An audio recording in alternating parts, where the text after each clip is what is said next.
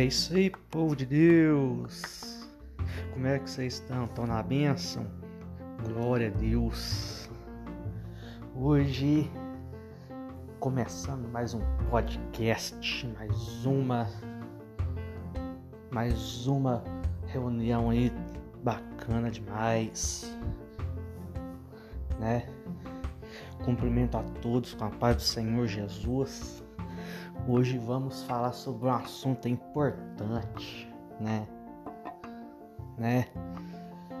Um tema aí bacana demais, né? Vamos falar aí sobre alegria. Isso mesmo, galera. Né? Alegria aí, a confiança em Deus, né? Isso aí que nós possamos estar unidos na presença do Senhor Jesus. Amém. Aleluias.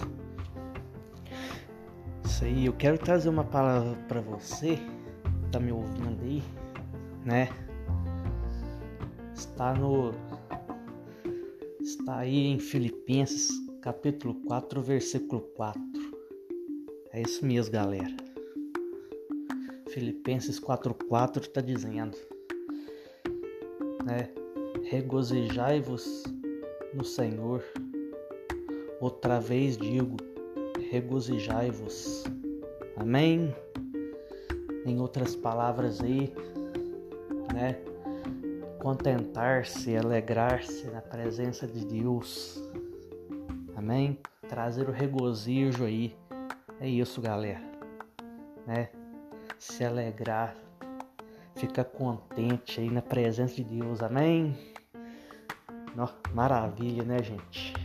Benção demais, olha pra vocês verem, né? A gente aí fica alegre com tantas coisas, né? Tantas maravilhas aí,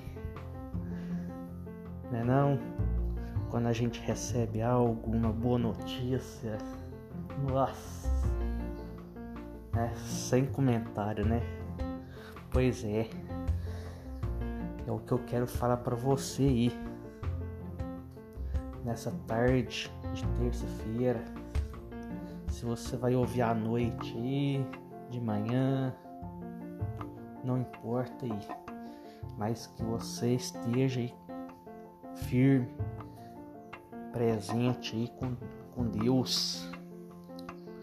Porque só Ele aí, né, galera?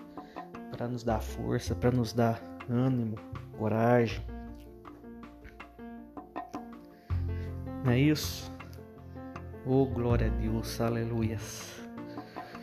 Porque só o Senhor, Ele nos fortalece, Ele nos sustenta, em nome de Jesus.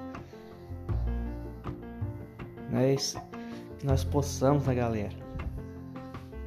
É dobrar o nosso joelho aí conversar com Deus.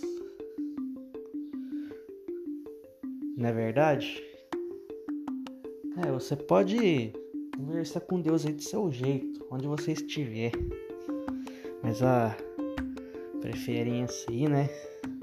Se você estiver no seu quarto fechado aí, aí é que é bênção pura mesmo. Aí aí que é poderoso mesmo, aí que Deus responde, né? Aquela madrugada que a gente dobra o joelho, não é mesmo? Se você não dobra o joelho, né? Vamos passar a fazer isso. Vamos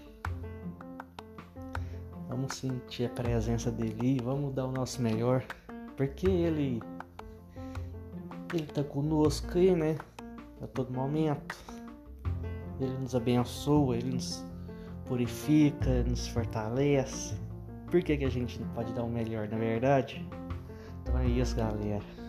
É o que eu tenho para falar para você aí. É você mesmo, tá me ouvindo aí. Né? Então, né? Então é o que eu tenho para falar para você. Não sou de não sou de render muito assunto. Eu entrego que o que é para entregar mesmo. Sei, né? Que você possa sentir a presença dele aí. né? Abra seu coração, sua mente. Tá? Amém, galera? Porque é só o Senhor que nos, nos dá força aí. Então guarda essa palavra aí, né?